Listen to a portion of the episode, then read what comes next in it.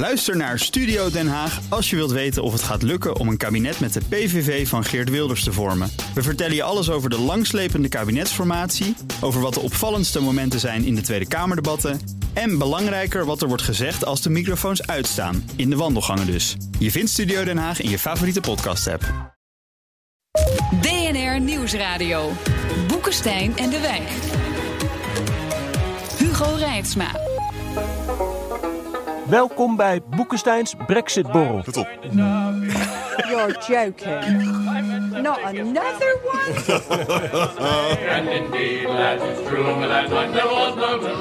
People have been asking me what on earth's happening with Brexit. Today should have been Brexit Day. That's what Theresa May had promised. We must deliver Brexit. Ja, Arjan ligt in de hoek. Parliament's now rejected that deal three times, and This means an additional six months for the UK. Oh, for God's sake, I can't honestly. that means cross-party talks. Please I can't stand this. do not waste this time. Welkom bij Boekenstein aan de Wijk, op zoek naar de nieuwe wereldorde. En die zoeken we vandaag in de kroeg. In eh, Café de Fiddler in Den Haag. Die kroeg die hebben we wel nodig zo langzamerhand met die brexit. En we hebben een... eh proost, Arjan. Red Ale. Red Ale heeft uh, Arjan Boekenstein. En ik zelf trouwens ook, want Arjan heeft gehaald net bij de bar. Rob die kon er helaas niet bij zijn vandaag. Nou zijn de rapen gaar. Gelukkig eh, heb ik zijn stem hier onder de knop. Dus ik kan ook af en toe zijn belangrijkste inzichten laten horen. Wat een gelul is dit. En even kijken hoor, ik heb onder dit knopje... Je begrijpt natuurlijk ook wel dat dit helemaal nergens op slaat, Arend Jan. Ja, kijk, dus we kunnen gewoon... Rob die is er gewoon in spirit hier in het mengpaneel. Zelfs op Hawaii kan hij nog zijn eh, devastating impact hebben op dit programma. Ja. Onze gast kan ook wel een biertje gebruiken. Ook een Red Ale, eh, toch Jesse? Animal Army. Hartstikke, ja, dat is de microbrewery, hè? Ik zat hier van de Fiddler ook al de Animal Army Microbrewery Local Beer Menu door te nemen. Ik denk dat we zo nog een stout moeten hebben. Ja. Voordat het programma afgelopen is, hebben we de hele menukaart afgewerkt. En de Guinness om de Ieren toch een beetje te vriend te houden. En aan, aan de volgende tafel hebben we nog wat meeluisteraars. Ik zie, ik zie daar aan een... ook Nog maar, Ja. honderden mensen zitten hier. Afgeladen hier. Wat heb jij ook alweer? Cider. Ja, ik, misschien moeten we zo ook een cider hebben. Jesse, jij bent half Europa door geweest deze week. En daarna ook nog een Europese top. Zwaar Ja. weekje wel, eh Brexit weekje. Ja, nou ik ben eerst de brexit even ontvlucht in Litouwen en Polen. Eh, hoewel ik ook daar dan weer over de brexit aan het praten was. Maar nee, het eh, hoofdgerecht was wel eh, woensdagavond in, eh, in Brussel. Ja, onze BNR-verslaggever Jesse Pinster. Ik zag geloof ik op, eh, op Twitter je ergens om half vijf s'nachts nog zitten monteren. Ja, ik, weet- nou, ik was nog niet eens de laatste. Ik ben er niet eens uitgeschopt. Dat eh, wil ook nog wel eens gebeuren. Maar Je hebt helemaal geen wallen onder je ogen. Hoe doe je dat? daarna ben ik alleen maar gaan slapen gewoon. Daarna heeft niemand meer van me gehoord. Dat is zo Totdat ik dat je hier in de kroeg opdook. nog, nog gewoon een uurtje had kunnen wachten. Had je live in de uitzending gekund. Ja, waarom heb ik dat niet gedaan? Ik heb dat ook wel eens gehad, dat soort toppen. Toen ging het meer om Griekenland. Je hebt meer dan Engeland. En zo wisselen de onderwerpen elkaar een beetje af. Hoe zijn jullie met de pers? Hoe, hoe kom je zo, weer zo'n Brexit-avond door met z'n allen? Nee, op een gegeven moment word je gewoon een beetje baloor. Want dan hoor je niet echt iets. Er gebeurt niet zoveel. Weet je. Je- ze komen binnen aan het eind van de middag. En eh, nou, dan heb je, hoor je inderdaad Emmanuel Macron binnenkomen. En die zegt van, eh, nou, niks is nog zeker. En eh, de, ik, nou, die gaat er stevig met gestrekt been in. En daarna wordt het een soort van stil. Weet je, wel? ja, dan, je hoort dat Theresa May daar speech gehouden heeft, daarna weg is. En dan ga je maar een beetje zitten wachten. En dan, nou, dit keer was het rond een uurtje of één. Dan begint er ineens wat door te sijpelen van, ja, dit wordt het misschien, dit wordt het misschien. Dan zie je diplomaten druk rondrennen die dan weer boos zijn over wat Macron dit keer gezegd heeft. Weet je, dus dan begin je wat te horen. Ja. En dan op een gegeven moment lopen ze naar buiten en dan doen ze allemaal alsof het eh, nou, allemaal geweldig ging. Het was een heel leuk gesprek eigenlijk en we zijn er weer uitgekomen. Ja. En, en wij wel, en de Britten niet. Zeg Ik ging nog wel eens, als je dat tegenover dat, dat raadsgebouw, dat kleine straatje inloopt, dan kom je ook bij. Dat is volgens mij ook een Brits of een Iers cafeetje. Daar Ja, kan je ja. nog. De, de, de, oh, hoe heet die ook weer? Een, een, een vrouwennaam eh, heeft het inderdaad. Daar hebben ze bitterballen. Ja, ik ging daar vaak met een Volkskrant-collega, dan sneakten we er even tussenuit. ja. Arjan, jij, jij kan ook wel een biertje gebruiken, want je hebt een hele reeks Brexit-colleges gegeven. Nu de Brexit-bol. Lijkt me fijn om het eventjes... eh, Weet je, als je je- als je constant met Brexit bezighoudt, wat ik een beetje doe, geloof ik, dan is het een soort psychiatrisch labyrint. je gaat erin en dan denk je van, oh, nu heb, nu heb ik een analyse die klopt. Maar dan glijdt het weer als zeep uit je handen. En wat ook heel erg depressing is, dat zowel de Labour-partij staat onder grote druk. Hè, want Corbyn wil eigenlijk helemaal geen referendum, maar zijn partij wel. Die kan ook ontploffen. De conservatieve partij staat op ontploffen. En, en als je nou kijkt naar de deal die nu gesloten is.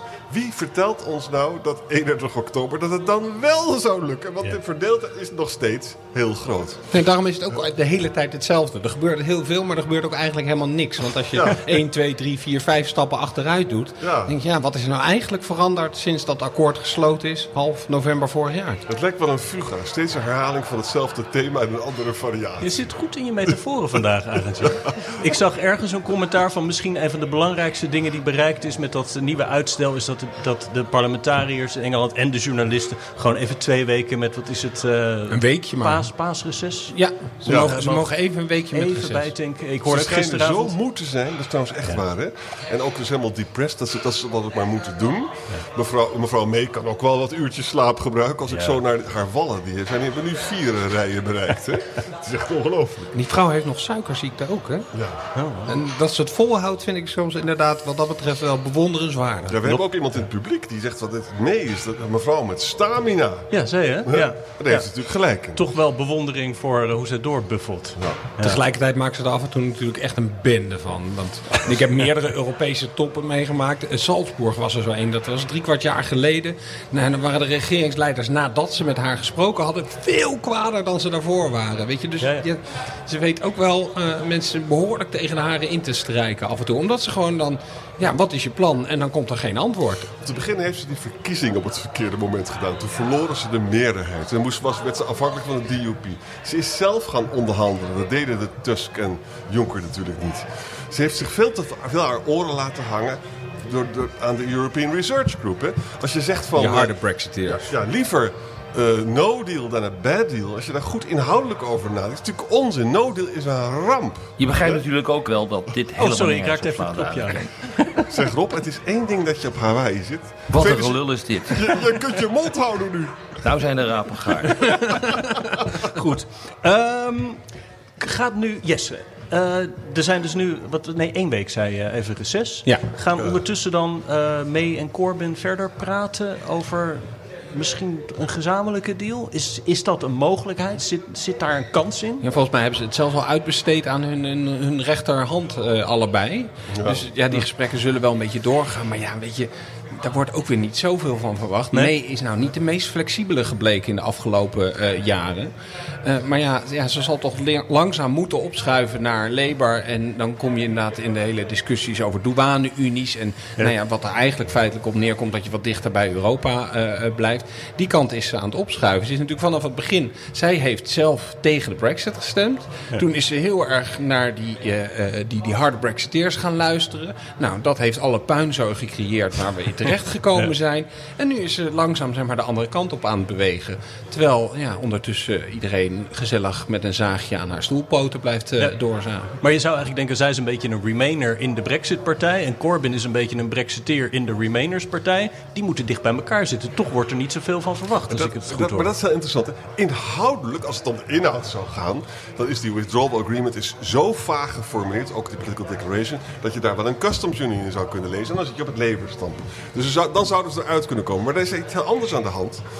Labour zelf, de adviseurs, of een aantal adviseurs van Corbyn, zeggen van luister eens, je laat deze shit bij de conservatieve partij, laat ze het land maar kapot maken en dan komen er general elections en dan word jij prime minister. Nou, die kracht is natuurlijk heel groot om het dus te laten knallen. Aan de andere kant, dat is het leuke van dit soort dingen, want we weten nooit helemaal zeker wat er gebeurt natuurlijk. Je zou ook kunnen zeggen dat Corbyn nu dan over zijn eigen schaduw, om die feestelijke metafoor te gebruiken, zou kunnen springen. En dan toch bereid zou zijn om een deal te hebben. Ik toon mij een staatsman, ik ga dat withdrawal agreement met een customs union in de declaration, ga ik het doorheen doen. En dan heb ik mij dus heel keurig getoond. En heel misschien zal dat ook uitbetalen tijdens de general election. Dit, dit is een polderende politicus die probeert de brexit te verklaren. Dat is een soort van totale onmogelijkheid. Weet je, dit is allemaal, allemaal diepe emotie bij die Britten. Zo zijn ze er terecht gekomen met altijd van ja, die rare Europeanen met hun dingen waar ze niks van wilden weten. Weet je, ze zijn al decennia krijgen ze alleen maar artikelen voorgeschoteld over eh, rare regelgeving in Brussel over stofzuigers. Die notabene door Boris Johnson zelf geschreven zijn in de jaren negentig. Weet je, de, eh, waar vaak dingen niet aan kloppen. Weet je, het- is veel meer emotie dan rationele politieke Nou, Jess- overweging. Jess heeft een heel belangrijk punt. Hè. Wij- Wij, hebben dus, wij zijn polderaars, coalitieregeringen. In Engeland is het hele politieke systeem antagonistisch. Polariseren. Jij bent de Conservative Party, jij bent de duivel. En, Labour, en ik ben van Labour en dat is goed. En juist wat er nu wordt verwacht, omdat alles dus verdeeld is... dat je dus wel gaat polderen. Maar nogmaals, het kan dus zijn dat het... De meeste mensen denken dat het gaat mislukken tussen Labour, tussen Corbyn en May... Maar ja, het zou ook kunnen zijn dat hij zegt van ik ga even laten zien dat ik iets... eh, want la- vanuit Labour gezien, de puinhoop in de Conservative Party is zo groot. Ik, ik zie eigenlijk niet, hoe de conservatieve partij hier ongeschonden uit zou kunnen komen. Ik bedoel, het point of... Dit, dit wordt gewoon... eh, Kijk, een, een no-deal is nog steeds mogelijk, maar toch wel verder weg naar de horizon. Hè? Het zou kunnen zijn dat het een soort customs unie achter... Nou, dan gaat de ERG, die, die, die eh, gaat vomeren, vomit. Hè? Die gaat, en die gaat er dan uit. Nou, ik ben, ik ben gewoon mijn Halloween kostuum al aan het uitzoeken hoor. Want het gaat gewoon Ja. door tot 31 oktober. Ga je als een Halloween. Brexit-monster? Ja. dat is wel mijn, mijn hoop. Ik probeer ook eigenlijk de hele perszaal in, eh, in Brussel zo gek te krijgen om zo'n pak aan te doen. Ik denk dat dat toch wel een extra element kan toevoegen aan eh, dit geheel. Dit is nog wat we nodig hebben. De Brexitcast mensen hebben het ook constant over eh, Halloween. Hè? En welke dresses ze daar zullen gebruiken. Ja, de, de, de, de collega's van de, van de BBC. Nee, ja, ik denk eigenlijk dat het gewoon rotzooi blijft tot die tijd. En, en weet je, wat je gelijk merkte op die top woensdag... niemand durft uit te sluiten dat er weer een uitstel komt. Dus we zitten straks eind oktober eigenlijk weer op dezelfde plek. En dan gaan ze het weer met een half jaar uit. Nou, dan gaan we weer de kroeg in hoor. Ik weet niet of ik... Ik, ik kan dit alleen nog maar met bier bij elkaar eh, krijgen. maar nog eventjes, eh, stel dat dus die gesprekken met Corbyn niks worden. Wat krijg je dan? Tweede referendum, verkiezingen, leiderschapswissel?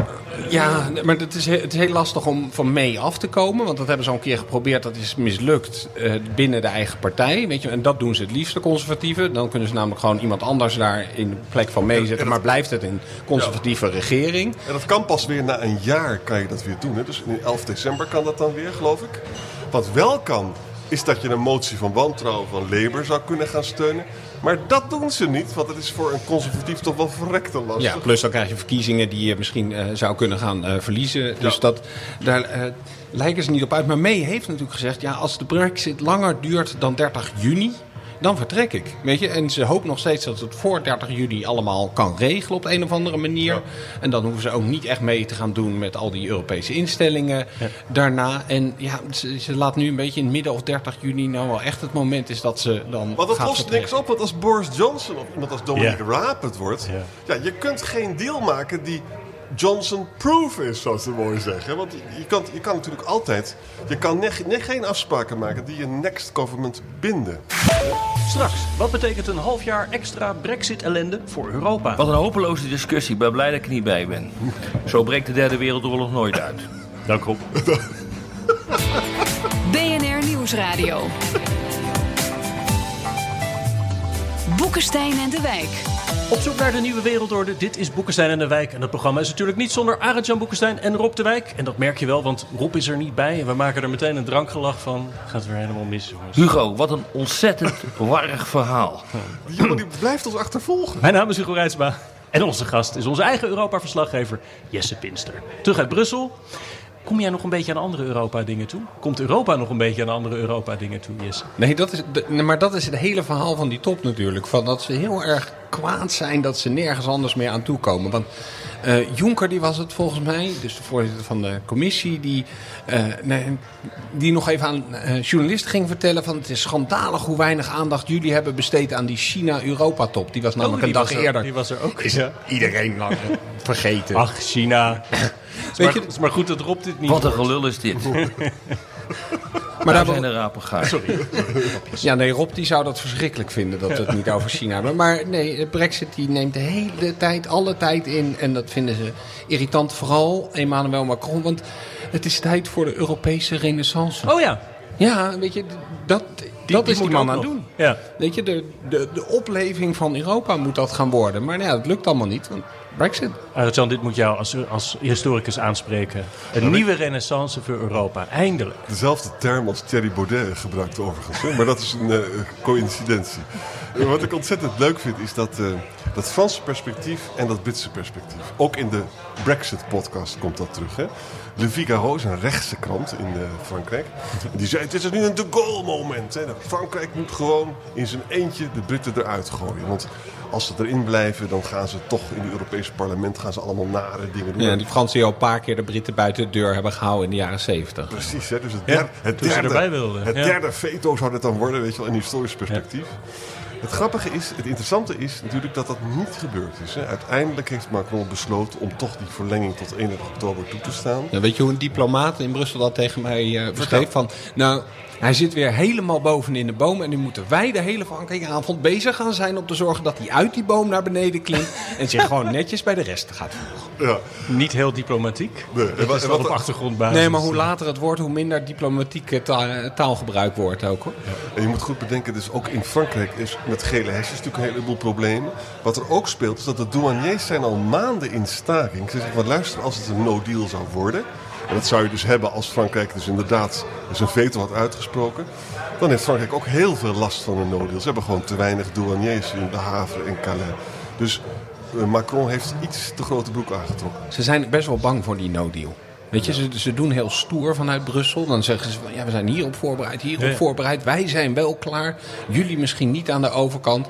Maar weet je, eigenlijk was voor die top wel duidelijk dat er links of rechtsom uitstel zou komen. Weet je, dus ze zijn daar veel banger voor dan ze misschien soms Ja, eh, maar- willen Mijn, zeggen. mijn pint is op trouwens. Hoe zitten jullie nog? eh, We moeten gaan ik, ik heb nog één slot. We moeten gaan bestellen. Maar weet je, Macron heeft natuurlijk wel een punt. Wat we in de vorige podcast ook benadrukt. Hè, van als, nu is het zo dat... eh, de, ja, de, de Britten kunnen natuurlijk in het Europese parlement allemaal rare dingen gaan doen. Ze kunnen ook als ze in de Europese Commissie zouden komen, kunnen ze begrotingen gaan lamleggen en zo. Hè. Of dat verstandig is, is een tweede. Maar het is, het- eigenlijk is het een dilemma. Hè. Kies je nu voor de Britten eruit met alle ellende van dien? Of rommelen we door zonder de zekerheid dat er echt een deal met een meerderheid krijgt in het Britse parlement? En tegelijkertijd de Britten de zaak eh, lam leggen in de Ja, Europese vol- Unie. volgens mij valt dat dus wel mee. Is Omdat dat ze, zo? Want nou, iedereen had het er wel over, hè? Van voorwaarden voor de Britten, dat ze zich een beetje gedragen. Ja, maar daar is eigenlijk niet zoveel van terechtgekomen. Eh behalve dat ze dan dingen gaan bespreken zonder de Britten eh, erbij.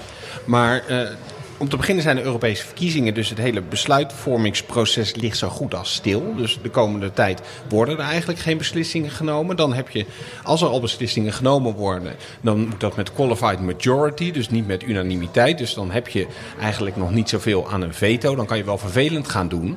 Weet je, van niet mee willen doen. Maar er zijn natuurlijk ook gewoon landen die dat prima vinden. Als die Britten gaan dwars liggen. Neem even het voorbeeld van die export-WW waar het de afgelopen tijd over ging. Weet je, Nederland wil niet dat er nieuwe sociale wetgeving komt en dan kan een Pool zijn, eh, zijn WW meenemen naar Polen. Daar komt het even kort op Ja, neer. ja. Als die Britten gaan dwars liggen, joh, dan zijn ze hier in Den Haag hartstikke blij mee.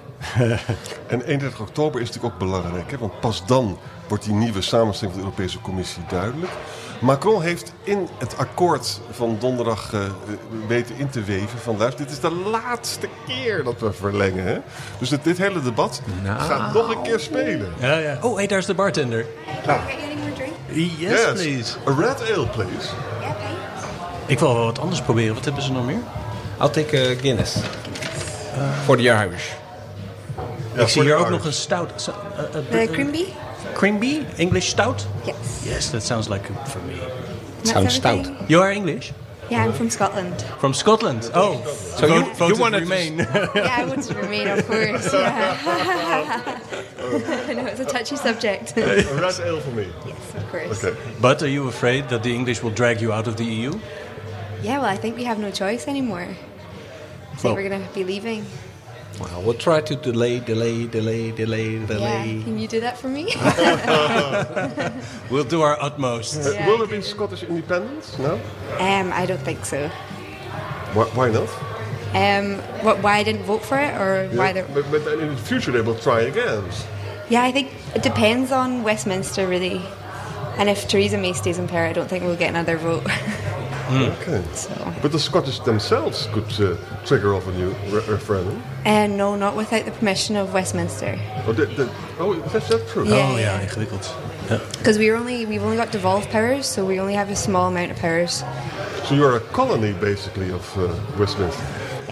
Ja, en, Yeah. de- yeah. en Groot-Brittannië is een vazalstaat van Europa. Ja. Ja, dat zijn de nieuwe verhoudingen. Wel state. ingewikkeld hoor. Ja.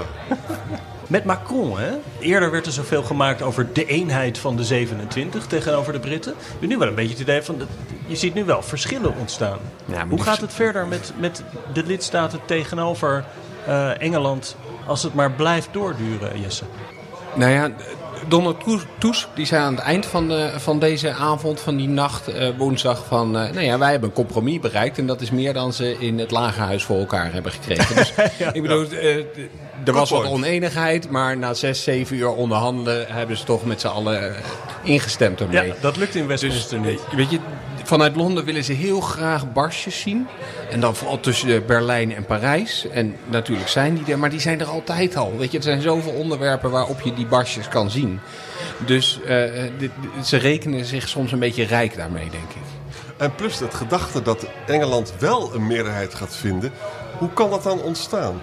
Kijk, stel je nou eens voor dat de Corbyn-May-talks gewoon mislukken. En dat lijkt het heel erg op alle Ja. redenen die we genoemd hebben. Hè? Ja. Wat kan ze dan nog doen? Dan kan ze nog weer teruggaan naar indicative voting.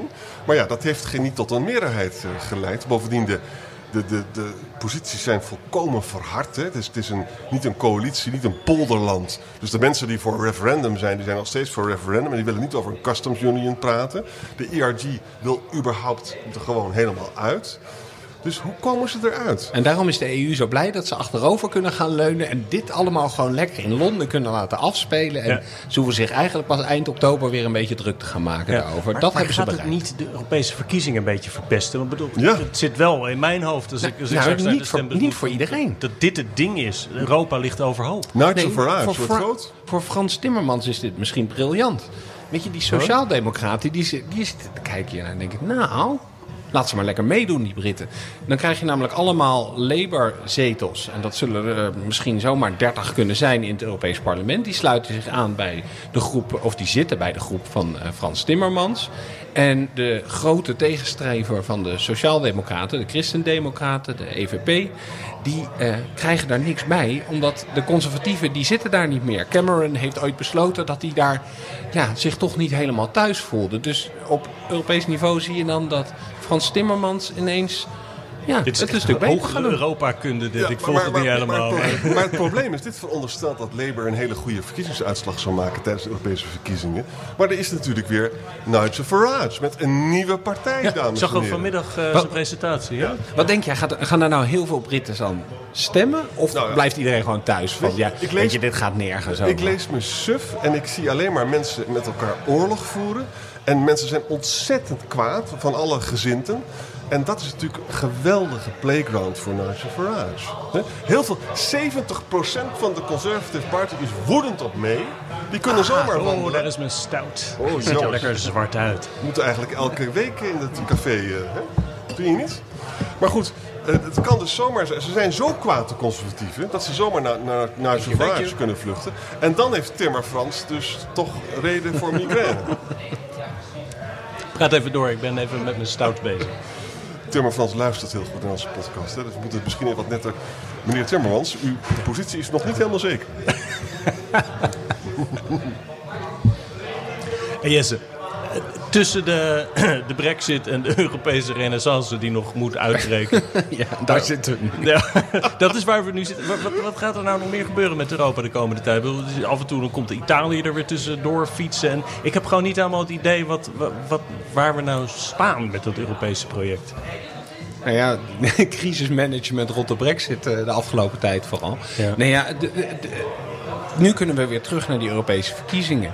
Weet je, het, het verhaal tussen Macron tegen de populisten... is er een Europa wat gaat eh, beschermen, eh, qui protégé.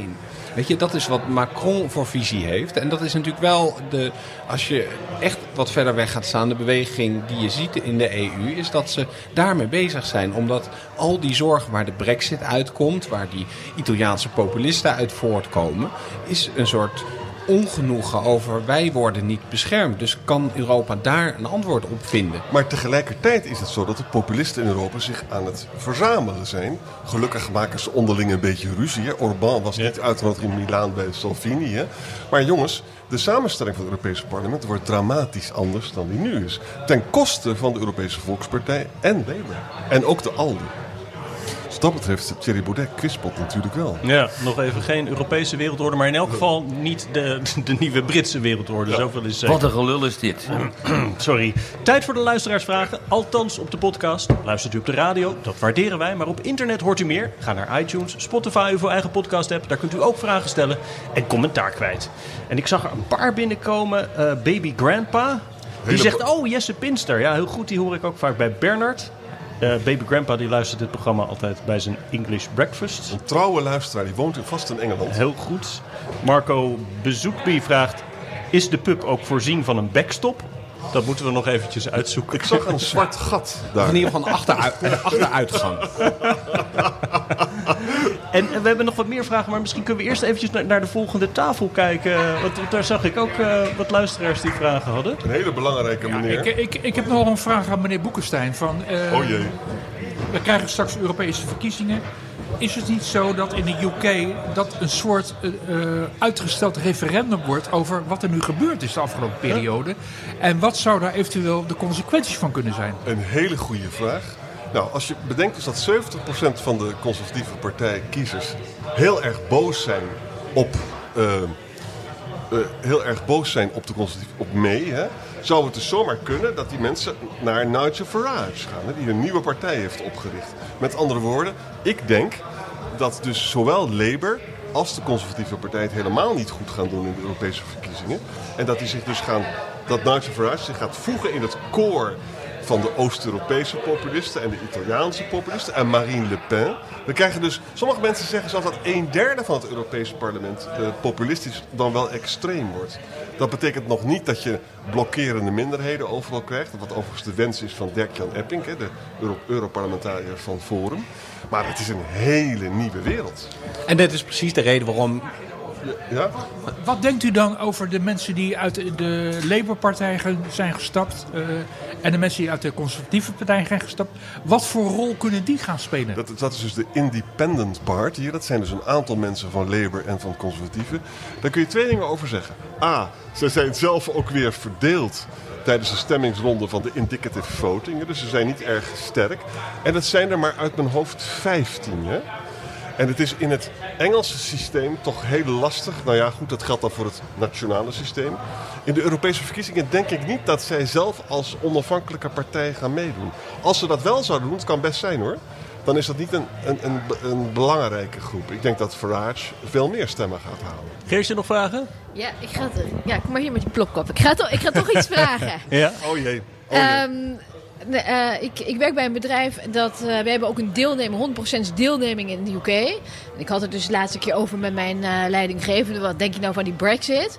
En hij was er heel gelaten over, heel laconiek. Hij zei van nou, gaat niet gebeuren. Ehm, ja, ik, ik vind het moeilijk om daar iets over te zeggen. Maar hoe reëel denken jullie is het dat het inderdaad niet gaat gebeuren? En wat is dan het scenario? Hoe moet ik dat dan voor me zien? Nou, dat een het gewoon goeie- helemaal niet van komt. Een hele goede vraag. Ehm, kijk, je zou eigenlijk hopen dat er, dat er een soort eh, meerderheid zou kunnen, ko- kunnen komen voor een vorm van customs union. Hè? En dan zou het met die deelneming wel goed kunnen komen. Alleen, er is nog steeds eh, niet zoveel kans dat die May, Corbyn, talks echt dit gaan opleveren. Nee. Er is geen garantie dat indicative voting, dus dat betekent dus dat je gaat kijken waar liggen de meerderheden, dat dat iets gaat oplossen. Tenzij, kijk, de hoop van May was, als ik nou maar lang genoeg wachtte, dan zal eh, Jacob Rees-Mogg bang worden dat het van uitstel komt afstel. En dan gaat eh, de ERG, de European Research Group, misschien wel voor mijn withdrawal agreement stemmen. Nou, we hebben nu gezien dat die strategie niet heeft gewerkt. Die zou alsnog, een heel klein kansje, alsnog kunnen werken, maar het lijkt er niet op. Dus eerlijk gezegd, de waarheid is dat het zomaar zou kunnen zijn dat we tot 31 oktober, dat er niets eh, gelukt. Maar da- da- daarom wil May natuurlijk ook heel graag dat ze eigenlijk nog voor die Europese verkiezingen het toch allemaal er doorheen gaat krijgen met leven. Exact. Geen verkiezingen, kan ze ze ook niet verliezen. En Ja. dan is dat in ieder geval geregeld. Nog een vraag. Ja, ik heb een hele korte vraag. Ehm, en de Nexit, is die nu waarschijnlijker of minder? Nou kijk, in Nederland is het zo, uit de polls blijkt dat eh 70% van de Nederlanders wil absoluut geen nexit. Hè? We hebben ook gezien dat Forum voor Democratie om die reden eigenlijk een beetje is gedraaid. Dat wil zeggen, ze zeggen we gaan het nu gefaseerd doen. Hè? We gaan dan een referendum voorleggen. Nou, dit referendum is afgeschaft, dus dat is een veilige vluchthaven. Wat wel interessant is, is dat iemand als Dirk-Jan Epping en ook de voorzitter van die partij zijn gewoon tegen een nexit. Hè? Als je de boeken van Dirk-Jan leest, zie je dat heel duidelijk staan. Hè? Er staat drie jaar geleden van ik kies voor het Europa, want het gaat om het recht in plaats van oorlog. Hè? Maar ja, hij zat dus bij Jinek. Het was echt een fascinerende tv-avond. En toen, Thierry hield gewoon vast aan zijn Nexit-standpunt. En hij zit er dan naast te blozen. Overigens kan zo'n partij kan dat nog best lang volhouden. Als je terug aan Fortuyn denkt. Gewoon, we zijn gewoon een open partij. Er zijn verschillende opvattingen. Maar zodra, zodra zo'n partij heel groot wordt en moet deelnemen aan de regering... dan moet je hom of kuit geven. Dus die verdeeldheid binnen Forum... dat wordt over twee jaar wel een probleem. Of eerder als het kabinet valt. Arend Jan, wil je nog roddels over Epping uit de Brusselse wandelgangen horen? Natuurlijk. Ja. Ja. Hij eh, zou alleen maar uit zijn op een tweede termijn. Want hij heeft ooit voor een Belgische partij in het Europees Parlement gezeten om zijn pensioen zeker te stellen. Dat, dat, dat zijn zeg maar, de smerige dingen die je in de wandelgangen in eh, Brussel daar nu over hoort. Ai, ai, ai. Nog even naar vragen die via Twitter zijn binnengekomen. Joris ten Berg vraagt: Gaat gelet op de duur van het huidige uitstel dit uiteindelijk niet leiden tot een infinite Brextension? Ja, dat Ik lijkt wilde me gewoon mooi. dat woord even zeggen. Dat is natuurlijk waar het misschien wel op uitgedraaid. Dat ze altijd een soort van in een soort half in, half uit Ja, daar zitten. zaten ze eigenlijk En daar al, zaten ze al, Ja. inderdaad. Ik weet dat eh Mathieu Segers, iemand van de Universiteit van Maastricht, eh, die eh, veel over Europa schrijft en denkt, die zei ook van ja, weet je, we doen allemaal alsof er een andere situatie is ontstaan, maar eigenlijk is dit de constante. De Britten die altijd half erin, half daaruit staan, dat is de constante en daarmee is Brexit eigenlijk meer van hetzelfde. Ja. Het probleem is natuurlijk wel, het is natuurlijk waar, hè, want dit zou zomaar dus heel lang door kunnen gaan. Dan zitten ze er overigens nog steeds in, hè, dat is belangrijk om vast te stellen. Maar ja, ehm, dan is het natuurlijk wel zo dat, dat het leidt wel tot prestigeverlies voor Europa en onhelderheid. Hè.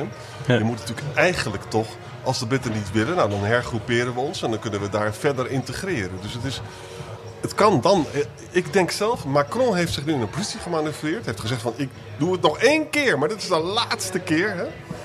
Ja, het de goal-moment zou wel degelijk 31 oktober kunnen plaatsvinden. En er zijn ook goede redenen voor, want je moet er toch niet aan denken dat er een Britse... Dat er nog een keer verleden komt, dat er een Britse eurocommissaris komt. En dat het dus dat die dingen gaat lopen blokkeren. Dan zijn de Fransen en de Duitsers natuurlijk toch heel giftig. eh. Ja. De online versie gaat gewoon twee uur duren, denk ik, hè, met deze kroeg. Ja, ja sorry, sorry. Eh, Brian van Daal vraagt... Oh, dit hadden we net. Worden de komende Europese verkiezingen eigenlijk een alternatief tweede referendum? Of ben jij Brian? Nee, dat ben ik niet. Nou, oké. nou, meerdere mensen met deze vraag. Maar die hebben we dus behandeld. Ruben Aanzang. hey, Ruben. Ja, die horen we ook vaak. Belangrijke Ruben. Welke persoon is de grote winnaar van Brexit... en wiens reputatie heeft de grootste schade opgelopen? Nou, ik zou zeggen, Jesse, zowel Corbyn heeft grote schade opgelopen. Door het feit dat hij bij het referendum, toen het er was, zijn mond dicht hield. Door het feit dat hij zelf eigenlijk een Brexiteer is, maar zijn partij niet. Hè? En de conservatieve partij heeft enorme schade opgelopen, omdat ze niet in staat zijn om eenheid te vinden. E- een Ze van komen uit op het cliché, er zijn geen winnaar. Nee. En, en de erfenis is misschien dus dat het Britse partijenlandschap. Dat, dat is gewoon echt denkbaar dat de conservatieve partij uit elkaar valt. En Labour trouwens ook, hè? Want laten we wel zijn, ik bedoel... En het land trouwens ook. En het land ook. Eén winnaar, Michel Barnier. Weet je, die denkt nog steeds dat hij de nieuwe Jean-Claude Juncker kan worden. En Dat is de Brexit-onderhandelaar De Brexit namens Brussel, hè? Ja, die, die, weet je, die heeft toch wel een hoop krediet opgebouwd in alle Europese hoofdsteden, hoe die dit heeft aangepakt. En hij is goed voorgesorteerd. Hij is ouder trouwens dan Juncker, hè? Ja. Hebben we tenminste nog één winnaar in dit Maar hij is wel fitter dan Juncker. Want hij, Hij is een stuk fitter dan Juncker. Ja, maar dat, dan leg je de lat niet heel hoog, hè? Nee. hij is ge- geen nicotinist en hij heeft een gezonde afstand van eh, stout. Hè? Kijk, we komen nu goed uit op het uh, roddelniveau. Ik denk dat wij met uh, de resten van onze stout en uh, red ale... Wat heb jij? Guinness? Guinness. Guinness, Jesse heeft een Guinness. Daarmee sluiten we deze uitzending af. Wij gaan hier nog eventjes doordrinken. Dat denk ik wel. Wat een hopeloze discussie. Maar dit was weer niet bij ben. Boekenstein en de Wijk. Namens Arend-Jan Boekenstein en Rob Moet de ik hier nou echt naar luisteren? Rob, zeg ik dank voor het luisteren. Zo breekt de derde wereldoorlog nooit uit. Speciale dank aan Jesse Pinster. En Uh, hier dank, dan ook helemaal niets goed gelopen zonder dank, mij. dank aan de fiddler. Dank aan de volgende maar tafel gewoon op Hawaii blijven. met, met de goede vragen. En tot volgende week.